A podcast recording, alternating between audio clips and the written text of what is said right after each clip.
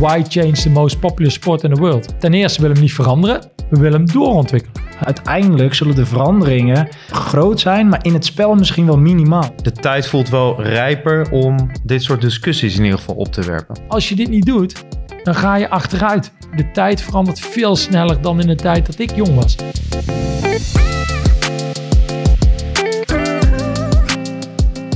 Lieve luisteraars, welkom bij De Jeugd heeft de toekomst. Een podcast van de KNVB over jeugdvoetbal in al haar facetten. Een podcast waarin ik, Piotr van der Marel, samen met een co-host in de wonderenwereld van het jeugdvoetbal duik. Samen met mijn co-host vraag ik mijn gasten het hemd van het lijf. En gaan we op zoek naar hun visie, ziens en werkwijze. Welkom bij De Jeugd heeft de toekomst. Voetbal staat nou niet te boek als een innovatieve sport.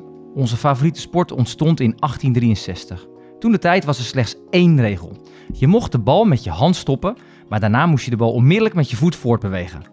Aangezien dit de enige regel was, kun je je voorstellen dat het er ruig aan toe ging. Anno 2023 snakken veel mensen naar meer snelheid, minder gezeur en gedoe over centimeters buitenspel. Waar we het ooit ook over eens waren, was het afschaffen van de terugspeelbal. Tijdrekken was toen nog heel gewoon. De Ierse keeper Bonner hield in de WK-wedstrijd tegen Egypte de bal totaal meer dan 6 minuten in zijn handen. Dit was nog niet alles. Egypte speelde die wedstrijd minutenlang de bal achterin rond. Als er een Ierse tegenstander in de buurt kwam, speelde zij terug naar de keeper, die pakte het speeltuig op en na wat stuiteren gooide hij de bal weer naar de verdediger. Om zo weer opnieuw te beginnen. Deze wedstrijd uit 1990 was de druppel die de emmer deed overlopen voor de grote bonden. Maar staan we nu hopelijk weer voor een nieuwe innovatie? De KNVB is vorig seizoen gestart met een pilot bij de onder 13. Zelfpas, indribbelen, vliegende wissels en tijdstraffen. We praten hier vandaag over met Jan Verbeek, onderzoeker bij de KNVB, en Gijs de Jong, secretaris-generaal van de KNVB. En aan mijn spreekwoordelijke zijde zit Sidekick Nick. Welkom heren en luisteraars van de podcast. Is voetbal zo'n conservatieve sport, Gijs? Ja. Ja, ja. En Jan, onderzoeker? Nou ja, je gaf net aan wanneer eh, voetbal is ontstaan. En eh, ja, 200, la 200 jaar later spelen we min of meer op dezelfde manier. Dus eh, ja, je zou wel kunnen zeggen dat eh, voetbal vrij conservatief is. Nick, hoe zie jij erin? Ja, net zo kort antwoord als Gijs, denk ik. ja, Hetzelfde kapsel dus. ja. hetzelfde antwoord. Het zien de mensen niet, hè? Hey, we gaan het hebben vandaag over de Future Rules. Waarom is deze, dit project in het leven geroepen? Eh, nou, kijk, ja, daar kan je kort en lange antwoorden ehm, eh, op geven. Maar ik denk, denk dat de basisvraag is van die wij onszelf stellen als bond. En wat volgens mij heel gezond is. Hè? Want sommige mensen zeggen, ja, jullie willen alles veranderen. Nee, we willen niet veranderen om het te veranderen. Wij proberen erover na te denken dat als er zaken in de samenleving veranderen en dan moet, gaat voetbal mee veranderen. En onze vraag is eigenlijk, wordt voetbal in 2050 nog hetzelfde gespeeld als vandaag? Dus eh, op een veld van 105 bij 68, twee keer eh 45 minuten, 15 minuten rust, twee keer alle spelers, één scheidsrechter. Of zal het in 2050 anders zijn? En ik denk eigenlijk, en hoe vaker ik dit verhaal vertel en hoe vaker ik dit vraag bij presentaties, hoe vaker mensen zeggen, nee, waarschijnlijk zal het anders zijn. Nou, als we weten dat het in 2050 anders zal zijn, dan vinden wij het leuk en vinden wij het ook onze verantwoordelijkheid om erover na te denken hoe dat zal zijn en proberen daar naartoe te werken. Naar 2050. Ja. En hoe, hoe ziet het spel volgens jou er dan uit, Jan? Of wat hoop je? Poeh, dat is een, eh, dat is een goede vraag. Ehm, ik, ik hoop wel dat, dat de kern van het voetbalspel zoals we dat kennen, dat dat, dat, dat overeind blijft. En ik, en ik denk ook dat de spelregelwijzigingen die wij eh, binnen de KNVB nu aan het onderzoeken zijn, die maken van het voetbal geen kermis. Het wordt niet, het, het, het wordt niet heel eh, anders dan, dan, dan zoals het is. Het wordt alleen, hopen wij, sportiever, aantrekkelijker, sneller. Ehm, ja, dingen waar volgens mij inderdaad de, de consument, maar ook de speler en iedereen eh, betrokken bij het voetbal, ehm, ja, ontzettend, naar, ontzettend naar streeft. En als we dat overeind kunnen houden, nog steeds in 2050, ja, volgens mij zijn we dan eh, op een juiste manier eh, naar, naar spelregelwijzigingen aan het, aan het kijken. Want jullie zijn er toch al heel lang mee bezig? Eh, ja, dus je hebt in, eh, in 2017 naar mijn hoofd gezegd, had je die, eh, die Avant-Garde Cup. Dat was niet ons initiatief, maar we hebben het wel toen omarmd. We zijn er naartoe gegaan, hebben gekeken. Er was ook die sessie hè, waar jullie in de podcast met Van Basten over hadden. Die was er ook bij. Dus dat is wel ook een beetje zaadje geweest waarbij zij meer zijn gaan nadenken. We hebben de Match of the Future gehad, 2019 volgens mij. We hebben hier zelf een toernooi georganiseerd, 2021. Ehm, de Otter Cup is nog geweest. Dus er zijn natuurlijk een aantal momenten geweest waarin we dit eh, bekeken hebben. Maar juist vanuit dit perspectief van hè, laten we nou kijken wat, wat eh, Jan zegt. Hoe het eerlijker, aantrekkelijker, sportiever kunnen krijgen. En we geloven dat het kan, maar ook dat het moet.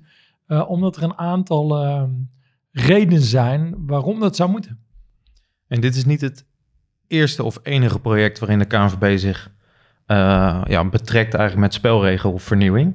Kijk, ik, ik denk dat de, de VAR, hè, ook al eh, wordt dat misschien niet zozeer als spelregelvernieuwing gezien, maar feitelijk is dat wel, hè, want het is onderdeel van de laws of the game.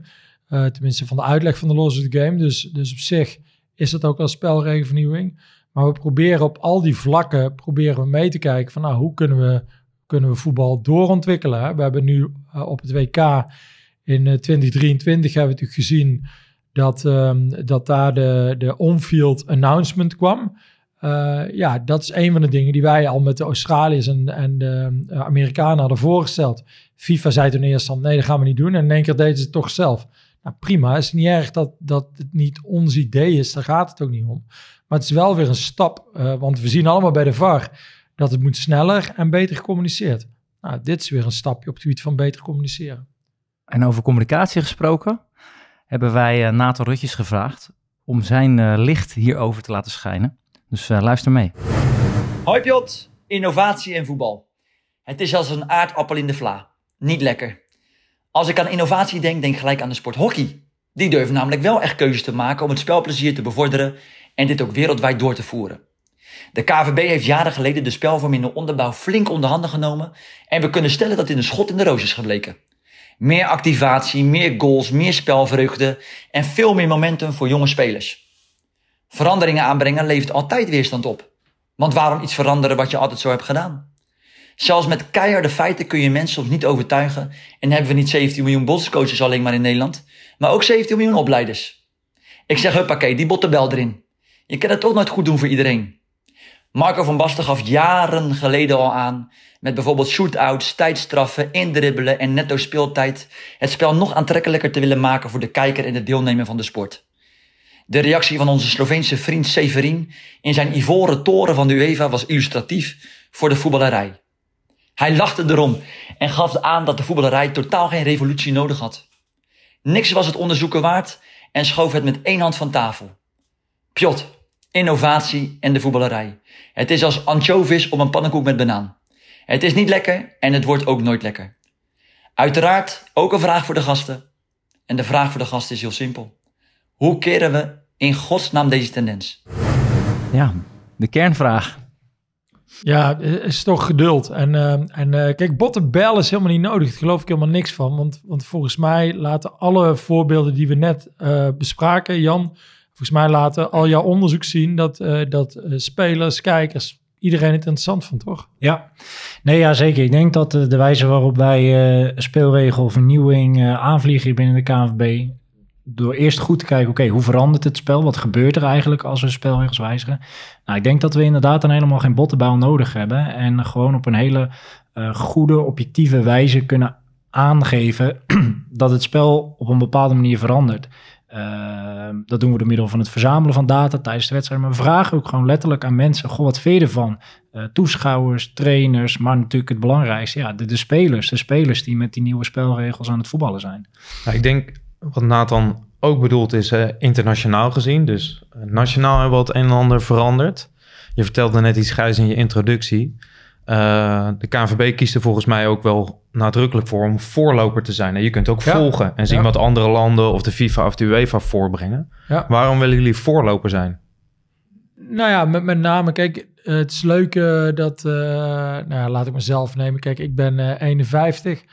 ik heb eh, veel plezier gehad in mijn jeugd met voetbal. Maar het gaat niet meer om mij. Het gaat om de toekomstige generatie, hè? om de kinderen die nu leven. Uh, er zijn er al wat dingen veranderd. We hebben totaal nieuwe uh, generaties. eh, die andere eh, normen en waarden, die op andere manier met media omgaan. Die, weet je, ik kan eh, eh, eh, als PSV morgen eh, 0-0 speelt, of eh, van de week 0-0 speelt en, eh, eh, en we, eh, eh, hoe heet het, eh, met penalties doorgaan of zo. Ja, ik vind het fantastisch. En de verlenging, daar kijk ik ook met veel plezier naar. Maar ik heb er nog eh, drie thuis lopen die wat jonger zijn. En die vinden het toch wat minder eh, interessant als het heel lang 0-0 blijft. Dus, dus je moet gewoon een beetje nadenken over, over de toekomst en daar actief aan werken. Kijk, en bottenbel is iets als je internationaal iets wil bereiken, echt de verkeerde strategie. En we hebben bij de, bij de bondsvergaderingen eh, in, in Zeist keer uitgelegd ook. je moet eh, verbinding houden. Je moet uitleggen. Je moet geduld hebben. En dat is soms twee stapjes vooruit, eentje terug. Maar zolang je maar vooruit gaat. En dat kost tijd. Bij de VAR hebben wij volgens mij in het eerste jaar dat we uit... Daar begonnen we met een, een, project Arbitrage 2.0. Dan kregen we je geld van, eh, van eh, de Algemene Vergadering. Vijf ton op dat moment. En eigenlijk hadden we binnen een half jaar... hadden we eigenlijk het hele protocol voor de VAR hadden we al lang bedacht. Toen heeft het nog drie jaar gekost... voordat we een live test bij een wedstrijd mochten doen. Drie jaar. Dat is gewoon drie jaar van alleen maar lobbyen, uitleggen dat het kan, hoe het eruit ziet zien, eh, over, over eigenlijk iets heel simpels. Ja, dat, dat is bij dit ook. Je moet gewoon uh, het, het goed doen, goed uitzoeken, goed experimenteren van wat werkt, wat wel, wat niet. En dan maar uitleggen, uitleggen, uitleggen. En dan al die mensen overtuigen totdat je een besluit hebt. Kun, kun je dat uitleggen? Want uh, wie kijken er dan allemaal mee? En waarom moet de KNVB drie jaar wachten om dat te testen? Uh, nou, ja, Kijk, de, de, de, de, data die, die moet uiteraard vanuit alle onderzoek komen. Dat moet je in een goede presentatie zetten. Nou, die hebben we inmiddels uh, over, over spelregelvernieuwing om uit te leggen waarom het nodig is, hoe het zou kunnen werken. Maar dan krijg je binnen Europa, heb je al naast de KNVB 54 andere bonden uh, die er iets van moeten vinden. En, maar het besluit wordt eigenlijk niet zozeer in Europa genomen. Het wordt binnen de IFAB, hè, de internationale uh, spelregelcommissie, die moet het besluit nemen. Dus, maar die moeten dat doen voor alle 211 bonden. Hè. Dus je hebt na, naast Nederland heb je nog 210 andere bonden in de wereld die binnen FIFA verzameld zijn. Daar kan ik je ook van vertellen dat een groot deel van die bonden is helemaal niet bezig met spelregelvernieuwing.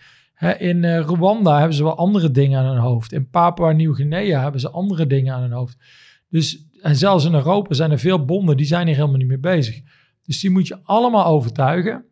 En dan moet dat besluit nog een keer binnen IFAB genomen worden. Dus ja, dat kost gewoon heel veel uh, tijd en energie. Ja. Uh, is daarom ook uh, dat jullie juist bij de jeugd zijn begonnen?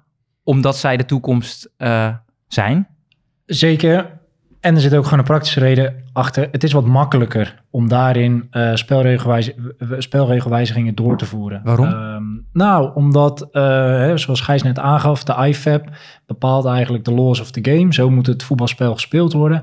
Um, maar het zit met name op seniorenniveau en eigenlijk ja. overal waar een kwestie is van promotie-degradatie. Ja, dus uh, ook amateurvoetbal. Ook amateurvoetbal, maar met name dus in de B-categorie. Uh, in de jeugd ja, zijn we wat vrijer en kunnen we uh, wedstrijdvorm, zoals we dat hebben gedaan, uh, aanpassen. Maar dus ook de spelregels aanpassen. Nou, daar zijn we vorig jaar uh, mee begonnen in de onder 13 leeftijdscategorie. Ja. En dat wordt de, de, dit, dit aankomend seizoen wordt het uitgebreid naar de onder 14. ja, want deze jongens, en dat vind ik, jongens en meiden, dat vind ik heel interessant. Deze hebben nooit anders gevoetbald dan 6 tegen 6, 8 tegen 8. En dus nu ook weer met, die nieuwe, met de nieuwe regels. Ja, ja, dus dit is wel de echte de generatie die er aankomt, die misschien wel iets anders gaat meemaken.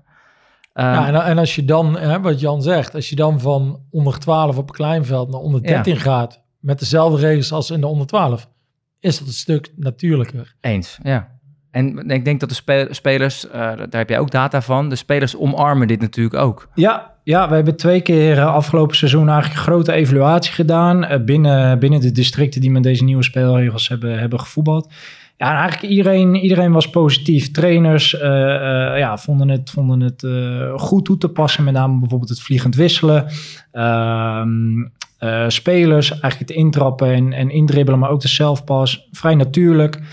Uiteraard hebben we ook veel gedaan aan de kant van communiceren. Dus wat, wat houden de spelregels precies in? Wat zijn de, ja. de details wanneer het wel en niet mag worden toegepast? Maar eigenlijk zien we in ieder geval uit de evaluatie die wij hebben gedaan... dat het een redelijk ja, natuurlijk proces is geweest. En vandaar ook dat we het, dat we het uit hebben gebruikt. Ja, en want denk voor de luisteraars van belang, jullie hebben een keuze gemaakt voor een aantal eh, regels. En heel duidelijk voor bij de jeugd, die ook denk ik goed toepasbaar zijn. Eh, voor iedereen, dus voor spelers en voor, voor scheidsrechters en trainers. Welke, kan je nog even kort vertellen welke dat zijn? Ja, ja, eigenlijk hebben we de ingooi vervangen door het eh indribbelen of intrappen. Niet Eh, anders voor deze doelgroep. Nee, nee, exact. Vrije trap mag je nu ook op jezelf nemen, de zelfpaas. Dus je mag eigenlijk direct gewoon doorvoetballen. Vliegend wisselen, dat, wil eigenlijk, ja, dat houdt eigenlijk in dat je niet meer hoeft te wachten tot het spel stil ligt. Maar je mag eigenlijk continu doorwisselen. Overal op het veld? Ehm, dat is een goede vraag.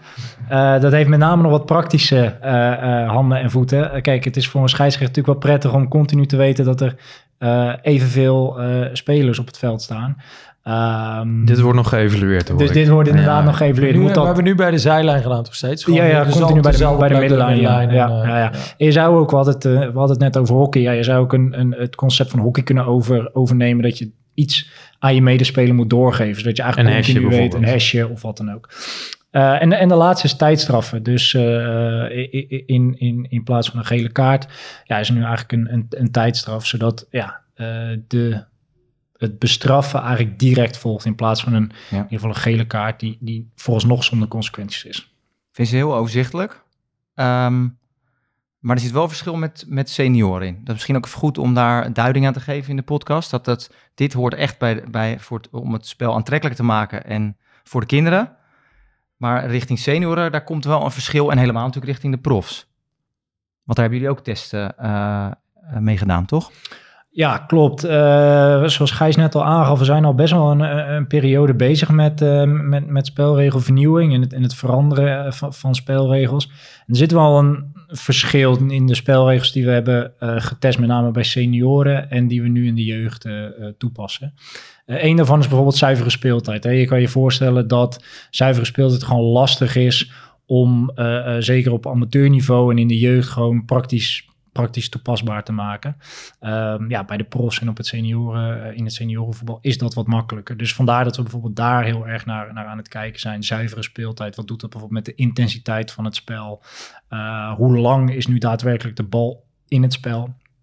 Ja, en, en wordt er nou langer of korter gevoetbald dan we dat nu uh, kennen met gewoon traditioneel 90 minuten en een beetje blessuretijd?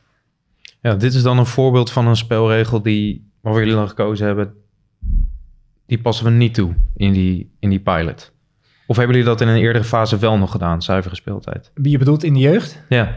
En in de jeugd hebben we dit eigenlijk niet gedaan, wat ik net aangaf. Het is best, best gewoon lastig om dit praktisch haalbaar te maken.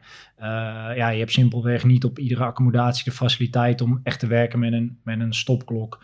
Uh, zodat je zuivere speeltijd eigenlijk ja. goed, uh, goed kan... Zijn er nog andere spelregels die het niet gehaald hebben? Oeh, ja, uh, we hebben hier uh, eigenlijk met alle collega's binnen de KNVB een, uh, een aantal, aantal sessies gehad waarin, hier, waarin iedereen eigenlijk vrij was om, om mee te denken over, over spelregelvernieuwing. Ja, en daar zijn heel veel verschillende wijzigingen de revue gepasseerd. Hebben jullie dat ook een keer getest? Gewoon als collega's onderling? Dat zou ik dan wel willen weten. Misschien wel een keer goed om iedereen in Zeist ja. te gaan Maar dan toch zo'n kermis van te maken. Ja, ja, ja, exact. Het spel van 2050. Ja. ja. Um, maar dus, ja, bijvoorbeeld, uh, uh, um, volgens mij uh, refereerde Mark van Basten ook aan in de Core podcast. ja, een, een, wijziging van de buitenspelregel, waarbij je echt volledig langs je tegenstander ja. moet zijn. Nou, die, werd, die werd een aantal keren genoemd.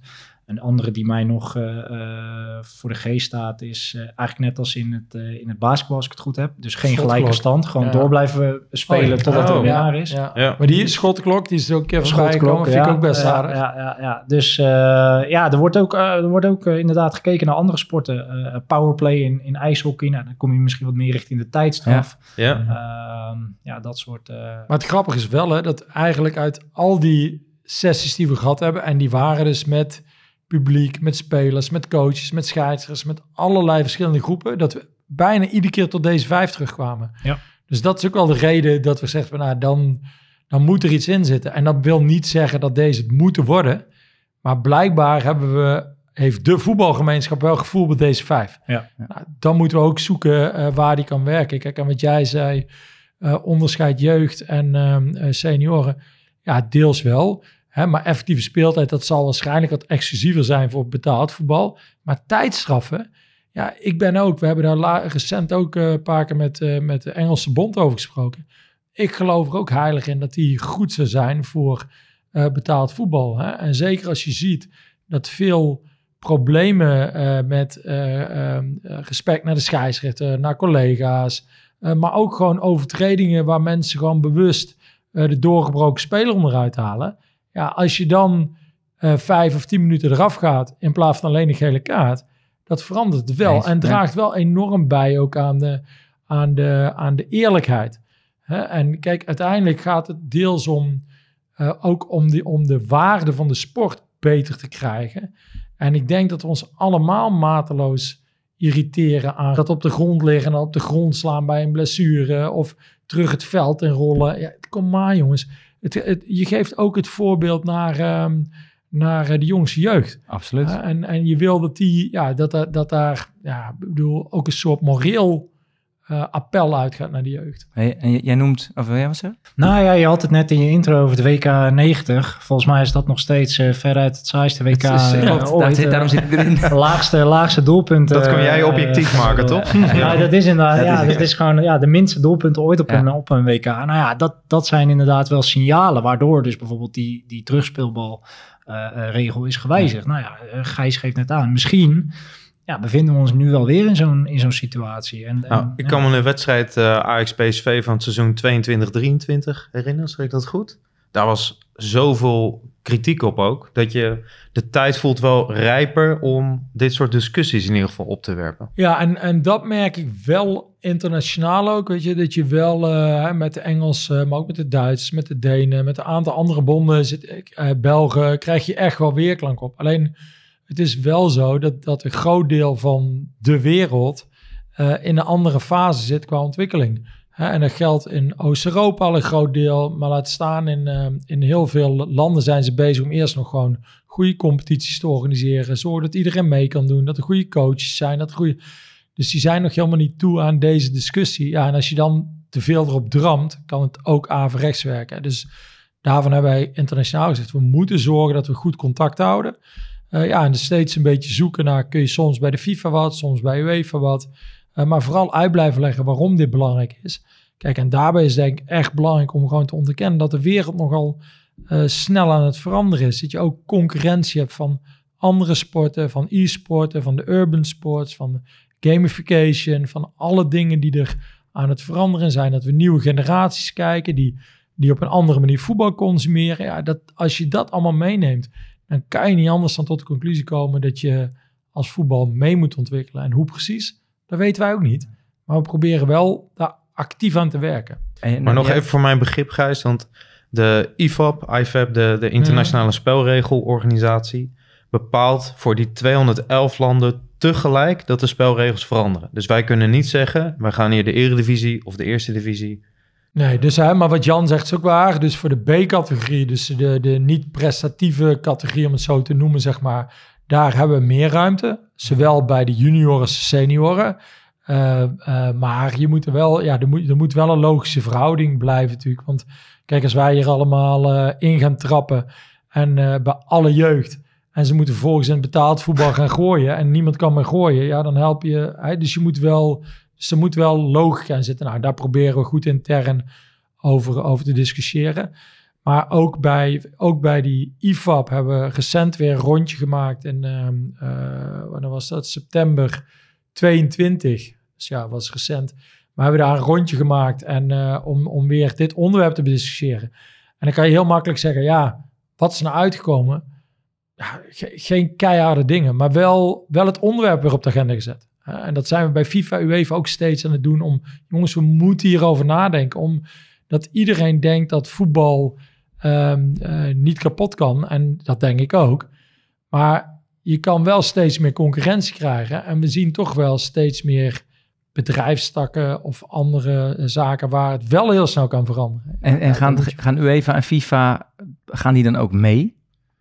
Eh, ja, dus, eh, dus eh, bijvoorbeeld met ehm eh, Theodoridis, hè, de, de, de SG van, eh, van UEFA, die snapt dit verhaal. In tegenstelling tot Sefrin misschien, maar, maar die, Sefrin kijkt er ook misschien meer politiek naar. Hij kijkt wat meer inhoudelijk naar, dus hij snapt het wel.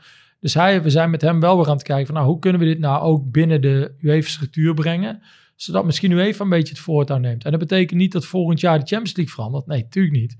Zo snel gaat het niet. Maar misschien wel dat ze denken, hey, laten we eens ook wat meer onderzoek doen. En Maar wat delen meer zij de zorg, de zorg voor 2050, wat jullie net zo mooi zeiden, van hoe ziet dan het spel eruit? Delen Ja, zij maar, de daar- maar zorg? daarom, daarvoor, daarom helpt die 2050 eh, vergelijking heel goed. Ja. Want als je zegt, eh, morgen denkt iedereen, ja, ga weg. eh, we gaan Champions League, gaat echt morgen niet anders zijn. En 24 ook niet. Maar 2050 vinden mensen lastig, want dan ben je generatie verder. Ze zien ook hun kinderen of kleinkinderen met veel van de bes- besluitvormers. Dan denken ze, hé, hey, ja, dat, dat gaat toch wel rap anders. En die zijn in een andere omgeving opgegroeid, andere eh, cultuur. En ehm, kijk, an- andersom is ook wel grappig dat wij zeggen van, ja, denk daarna voor 2050. En als ik dan mijn, eh, mijn eh, collega uit Turkije, Kadir Kardassi bijvoorbeeld, hè, die zegt dan van, why change the most popular sport in the world? Ja, en zeggen, zeg maar, ten eerste willen we hem niet veranderen, we willen hem doorontwikkelen. Hè? En andersom zeggen we, als je dit niet doet, dan ga je achteruit. Weet je, je moet mee en, en de tijd verandert veel sneller dan in de tijd dat ik jong was. Het gaat veel sneller. Ik bedoel, toen, toen ik jong was, was er helemaal geen internet. eh, de, eh, weet je, ik was twintig voordat het internet er was. Ja, dat, dat, dat kan je niet meer vergelijken. Dus een belangrijk deel van jouw werk is lobbyen, overtuigen. Eh, Nee, dat is mijn werk. Ja.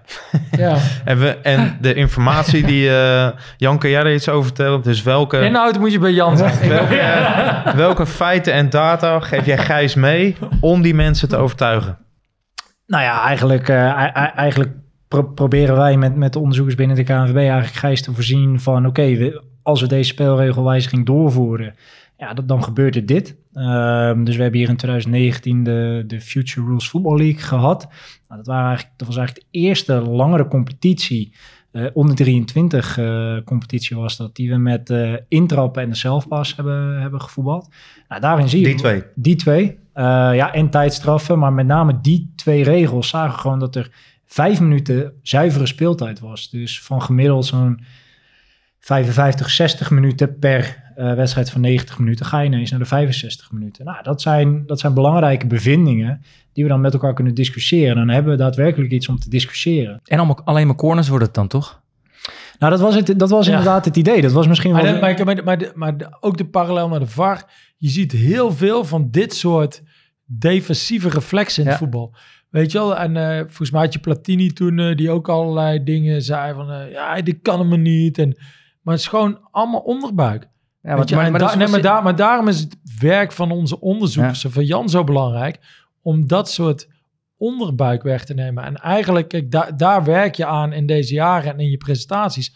Al die onderbuik eruit halen. Al die, en, dan zeggen ze, en dan krijg je het verhaal, ja, dat waren eh, topamateurs. Kan je niet vergelijken met betaald voetbal. Oké, toen hebben we die Future Football Cup gedaan. Ja. Met betaald voetbalteams. Langzaam maar zeker zijn er geen argumenten meer. Nee. Toch? Nee, maar zo, Dat- maar, maar zo simpel werkt het. Dus Ja. je maakt je presentatie steeds beter, de argumenten zijn weg. En op een gegeven moment denkt iedereen, en zo was het met de VAR ook. Ik kan me nog heel goed herinneren dat ik met, eh, met eh, Mike van der Roes toen, die nu bij de FIFA werkt overigens. En dat wij bij, eh hoe heet hij, die uh, Jerome Valken, die was toen secretaris-generaal van de FIFA waren in, eh, in Zurich. En toen hadden we ook zo'n presentatie gehouden over de VAR en hoe het zou werken. En, alle, en al deze onderbuikargumenten allemaal weer legt. En dat hij zei van, nou echt met, een- met, met een gezicht van een oorworm.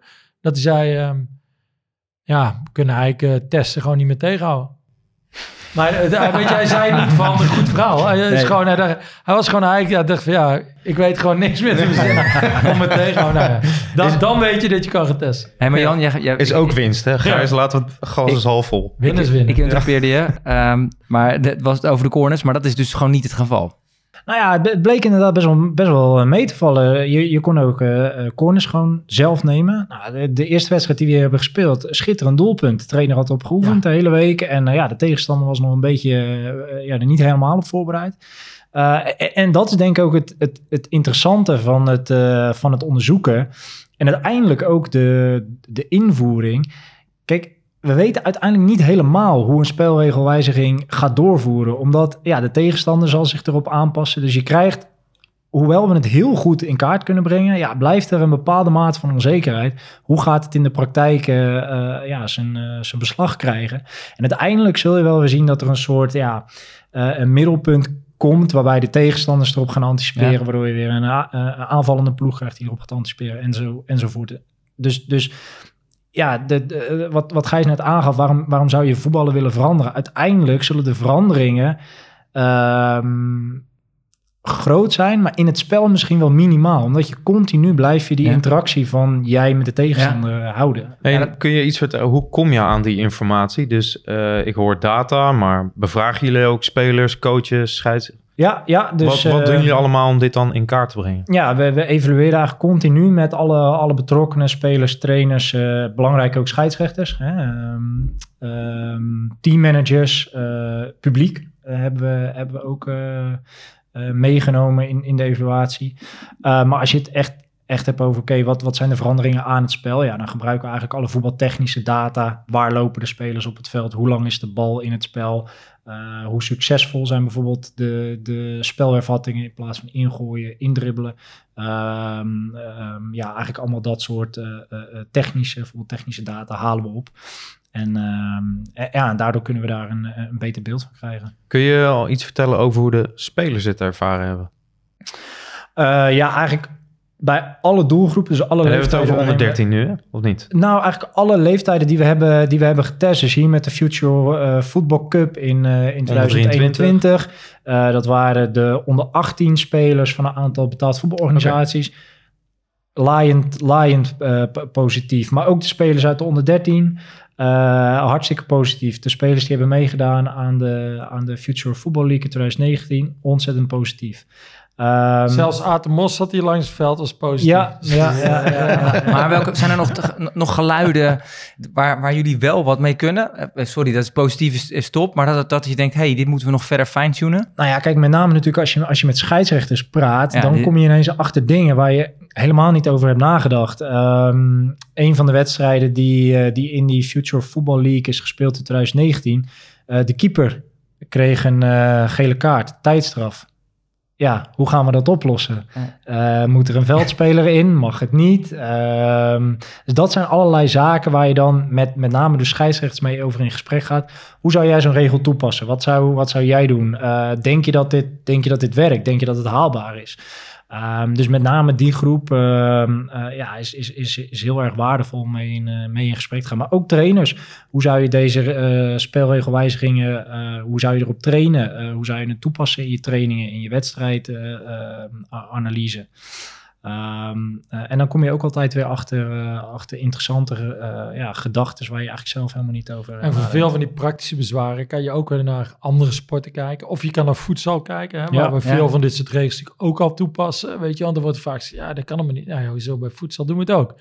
Weet je wel, dus het is ook wel goed kijken naar wat er, hoe het wel kan. En uh, dat, ook, dat maakt het ook En wel zijn, interessant. zijn kinderen ook nog uh, een, een goed voorbeeld richting senioren? Want ik, ik zat uh, zelf uh, in de voorbereiding van deze podcast ook over de transitie van, 60, van uh, 70 7 uh, 8 8 naar 60 6 uh, over na te denken. Want daar waren wij um, volop mee bezig in de pilots. En waren we ook altijd bang voor. Er wordt heel veel van afstand geschoten in uh, 8 8 60 6 Er wordt veel dan ingedribbeld en op doel geschoten.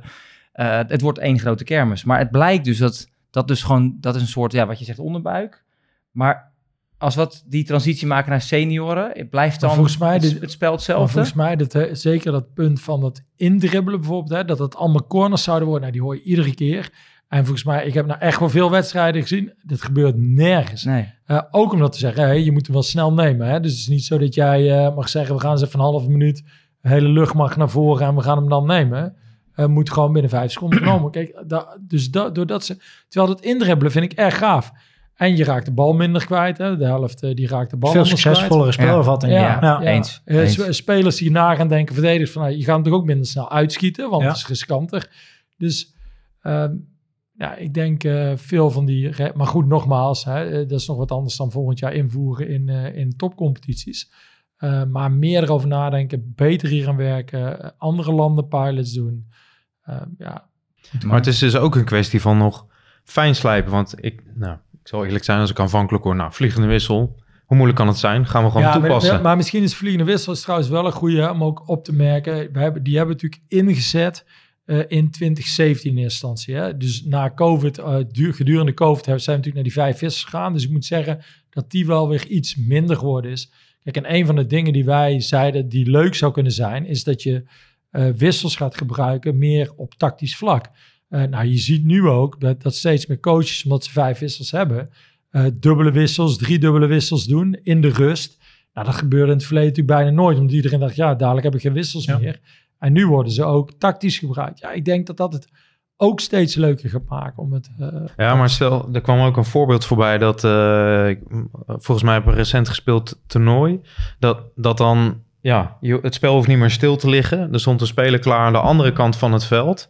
En dat je op een, een tactisch heel Ja, slim moment, ja, ja. ja, bijna, nou, misbruik, het is dus geen misbruik maken, maar hier moet je dus wel over nadenken. Ja, Van, deze is voor Waar ga je scheidsrechters wisselen? Ja, op welke kant van het veld? ja. En dit is dus ook informatie die je ophaalt van scheidsrechters, van coaches. Ja, van- ja, hetzelfde met, met de selfpass. Ja, eh, als je daar een bepaalde tijdslimiet op stelt, ja, dan heb je vijf seconden om een selfpass te nemen. Anders niet. Het kan niet zo zijn als een scheidsrechter bezig is met het op afstand zetten van een muurtje, dat er uit, uit de rug van de scheidsrechter een selfpass wordt genomen en er wordt doorgevoetbald. Ja, dat kan niet. ja. Ehm, in, ehm, ehm, in de Future of Football League die we hier in 2019 hadden, mocht je in eerste instantie de speler die de selfpass nam, mocht je ook niet direct aanvallen.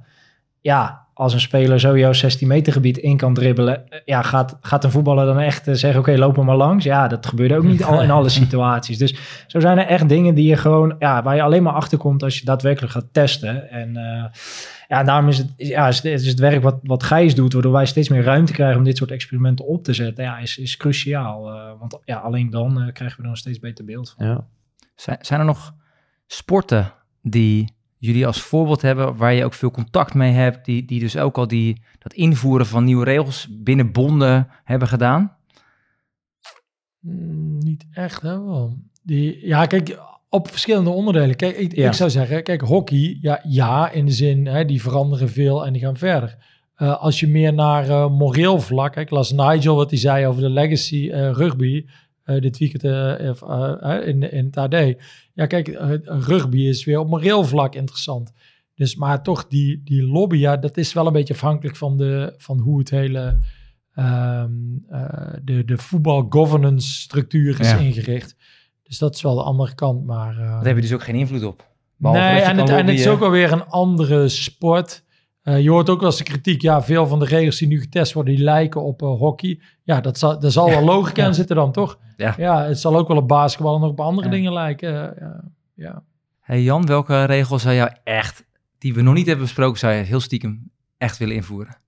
Je, je krijgt nu gewoon alle ruimte, je krijgt eh, 500 miljoen euro en je mag, jij mag nu deze regel gaan De invoeren. UFAP kijkt niet mee. Nee, die kijkt niet mee. luistert niet Ah, mee. Ik, ik, ik zou wel heel benieuwd zijn. eh, en, en oprecht, ik, ik durf niet te zeggen of het spel er nou heel veel beter van wordt. Maar laten we eens kijken. Nou, zoals in het hockey. eh, stel nou dat we eens zonder buitenspel gaan voetballen. Wat, ja, wat, wat gebeurt er dan? Er is één klein experiment geweest wat ik ken in, in Duitsland. Ja, Hmm. dat, dat, leed nou niet per se, of dat leidde nou niet per se na tot heel veel eh, eh, aantrekkelijke voetbal. Maar het is nog wel eens interessant om te kijken wat, eh, ja, of, dat, of kun je nog kun je zo'n ingrijpende spelregel wijzigen en ja, hoe, hoe gaat het voetbal er dan uitzien? Nou, en die zou ook interessant kunnen zijn voor het amateurvoetbal. Hè? Want bedoel, uiteindelijk werken we natuurlijk op beide vlakken. Ja. Maar kijken we de problematiek van, eh, van de, eh, de assistenten binnen het amateurvoetbal, of de grensrechts, hoe we het ook daar noemen. Eh, nou, dat is best wel een lastig fenomeen. Ja, stel dat je daar eh buiten spel kwijt bent, ja, dan ben je wel een grote bron ook van, van Frustratie. ergernis Ja. en frustratie kwijt. En kijk, uiteindelijk, eh, ook, hè, daar hebben we het nu niet over, maar ook op arbitragegebied gaat er de komende jaren natuurlijk veel veranderen. Hè, als we nu zien op het WK dat je die on-field announcement hebben, maar ook dat eh, eh, hoe de, de doellijntechnologie werkt, hoe de, eh, de VAR eh, zelf werkt. Eh, ik heb in Qatar gezien hè, dat ze nu de bal eigenlijk met die chip erin continu kunnen zien waar die is. Dus je kan eigenlijk al nu alleen al op de, de computeranalyse zeggen of een bal in of uit is. Ja, als dat allemaal gaat veranderen, gaat dat ook nog enorm veel voor de Ja. arbitrage betekenen. Hè? Ja. Dat gaat ook veranderen. Even, eh, ging al een beetje over betaald amateurvoetbal. Verwachten jullie wel dat daar verschillen gaan optreden? Hè, even eh, kijkend naar de lange termijn richting 2050. Er zijn al verschillen. De VAR is niet in het amateurvoetbal en die gaat er denk ik ook niet komen. Ja, Ja? Tenzij dat dingen heel erg gaan veranderen. Maar zijn natuurlijk al een aantal dingen anders. Met betrekking tot deze regels die nu testen? Nou ja, een, een van de dingen die ik denk, die hebben bijgedragen aan de populariteit, de wereldwijde populariteit eh, van het voetbal, is dat het overal op de wereld min of meer hetzelfde wordt gespeeld. Dus je wil natuurlijk dat wel zoveel mogelijk in, in stand houden. Hoe gaaf is het dat als je naar de andere kant van de wereld gaat, je gaat naar een voetbalveldje, dat je eigenlijk ja, elkaar niet hoeft te verstaan, maar je kan wel voetballen. Ja. Ehm, dus, dus ja, je probeert dat wel zoveel mogelijk in, in, in stand te houden. Dus ik denk, Als jij er dan een zelfpas gaat doen, dan kijkt iedereen ja, dan nog denk gek aan. eh, eh, komt hij uit Nederland of eh, met aan het testen? Ehm, dus, dus, dus ja, je wilt dat wel zoveel mogelijk in, in stand houden. Maar ja, zoals Gijs inderdaad ook aangaf, de, de faciliteiten en de mogelijkheden daardoor, die, daar zijn de verschillen in en die zullen ook blijven. Ehm, Betaald voetbal is uiteindelijk entertainment ook. Dus Ja. dat is, maakt het wel iets anders. Nou, amateurvoetbal eens. ook. Ja, ja, ja. Amateurvoetbal ook, Ja, zeker. Zelfs bij ons in het dorp. Ja. Hey, wij, ehm, ik wil afsluiten met een aantal stellingen. En ik denk dat ik ze al, dat we zo eh, jullie geluid al hebben gehoord. Je mag alleen ja of nee, of eens of oneens zeggen. En je moet zo snel mogelijk reageren, binnen vijf seconden. Future rules moeten zo snel mogelijk worden ingevoerd in het algehele voetbal. oneens. Nee. Oh, ik moet Ja, ook jij nog. mag ook. Oneens. Ja, oh joh. Ja. Nou, dan hebben we eigenlijk geen... Nee, dat, de, de, de weg van de geleidelijkheid, die hebben we denk ik volgens mij... eh, dat heb je goed uitgelegd, denk ik. Eh, vraag 2. Zonder wijzigingen aan de spelregels is de voetbalsport niet voldoende toekomstbestendig. Ja. Oneens. Eens. En jij, Piot? Ja, ik, Eh, ja, eens? Dus jij zegt dat hij niet... Nee, ik... eh, Jij denkt dat het nog steeds lekker doorloopt? Ja, Ja. no- noem, me, noem me naïef, maar eh, de, je exacte stelling was ten, ten dode opgeschreven? Nee, oh, eh, Ja. nou. Nee, en niet, niet voldoende Niet toekomstbestendig. voldoende. Nou, ik denk, ik denk dat, dat, dat, dat de voetbalsport uiteindelijk wel... We begonnen deze, deze uitzending met is het voetbal conservatief? Ja, maar ik denk, ik hoop dat er nog wel een soort zelf, zelfwerkend mechanisme in het voetbal zit... dat het op den duur wel zal beseffen, oké, we moeten toch veranderen. Dan gaat, maar- gewoon maar- met het, gaat Ja. gewoon met het zinkende schip naar Ja, beneden. Ja, maar ik Maar vind... de, de stelling is wel, Jan, stel dat eh, de huidige... Dus we stollen Niks van, eigenlijk de huidige spelregels in 2050. Is het dan nog... Dan gaat hij toch naar ja, denk ik hoor. Ja, dan, dan, dan denk ik dat er wel een probleem is, ja. Ja? Nee, want ik, ik merk ook ik merk aan mezelf al dat 90 minuten soms, dat is soms hard werken. ja, dat heb ik, dat heb ik serieus. Dan kan ik, ik kan Als je zelf, bedoel je als je zelf voetbalt of om te kijken? Nee, dat was toen, dat was Ja, toen ik nee. zelf voetbal. Oké. Nee, maar dat, dat het soms best lastig is om 90 minuten gefocust naar een wedstrijd te kijken die inderdaad soms niet boeit. Maar, maar kijk, maar, maar, maar bedoel, die, die vraag doen we ook vaak in presentaties. Hè? Wat is de laatste wedstrijd die je echt 90 minuten hebt zitten kijken zonder echt afgeleid te worden? Je gaat allemaal een mailtje beantwoorden, appjes beantwoorden. Je zit er vaak bij te werken, nog een krantje te lezen. Dus, en, en op zich is dat niet zo erg. Maar bij, bij de, ja, je moet wel bij de spannende wedstrijden, wil je eigenlijk die focus, weet Ja. je. Die denkt, ik, ik wil niks missen. Ja, en ik vind, ik vind het stadionbeleving wel anders. Want, Tuurlijk. Want dan zit je er bovenop. Dan had, dan had ik geen afleiding. Maar we vinden het ook allemaal mooi als de underdog wint. We vinden Zeker, ja. een van de Onvoorspelbaarheid. manieren Ja. waardoor dat makkelijker wordt, is zaken als tijdrekken. Ja. Ja. Eens. Ja, dat is, dat is, eh, dat is een, een Ehm, met de momenteel geteste Future Rules zijn we volledig. Nee. Nee. Nee. Nee, ik kan wel als deze twee zijn- experts dit zeggen, ja, wat moet ik dan nog? Ja. Maar de één expert, maar de... Ja. Nee, maar er zijn ongetwijfeld nog dingen die we nu niet, niet overzien die, die er gaan komen. Dingen die Ja. nu nog technologisch niet mogelijk zijn, maar in de toekomst wel, ja, die zullen het spel eh, waarschijnlijk wel weer gaan aanpassen. Ja. Heren, ik wil jullie eh, danken. Eh, maar we doen nog even een rondje tips. Dus heb je nog een, eh, een idee eh, wat we zouden kunnen lezen, kijken hierover, dan, eh, eh, dan wil ik jullie eh, even het rondje maken. Nick, heb jij nog een tip voor ons? Nou, ik kwam al voorbij, dus het is goed om nog te vermelden. De recente aflevering van de Core Podcast Show. Waar het ook ging over Met Marco van Basten. met Marco van Basten. Jan? Ehm, kijken ESPN eh, terug. Daar staan inmiddels al een heel aantal wedstrijden die eh, met nieuwe spelregels zijn gevoetbald. Ehm, dus als je een beetje een blik wil eh, of een idee wil krijgen hoe spelregelvernieuwing eruit ziet, dan eh, ja, ga die wedstrijden terugkijken. Waar moeten we op zoeken? Ehm, Future of Football Cup, KNVB, ergens op YouTube, dan eh, ga, je ze wel, eh, ga je ze wel vinden. Ja, ik, ik heb niet echt tips, dus, maar ik zou zeggen, heb geduld. Hè, want, eh, want dat heb je nodig bij dit soort eh, processen. En, en misschien een tip, die, zijdelings hier aan raakt, maar lees het boek eh, The Legacy. En die in de zin, weet je, ik, het heeft mij, ik ben ook wel fan van rugby geworden, omdat mijn zwager eh, grote rugby-fan is.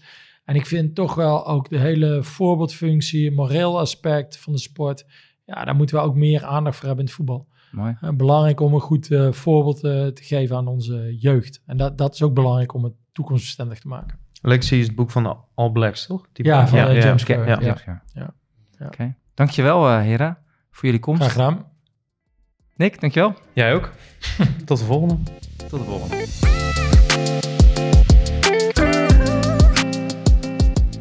Beste luisteraars, ik wil jullie danken voor het luisteren naar deze podcast.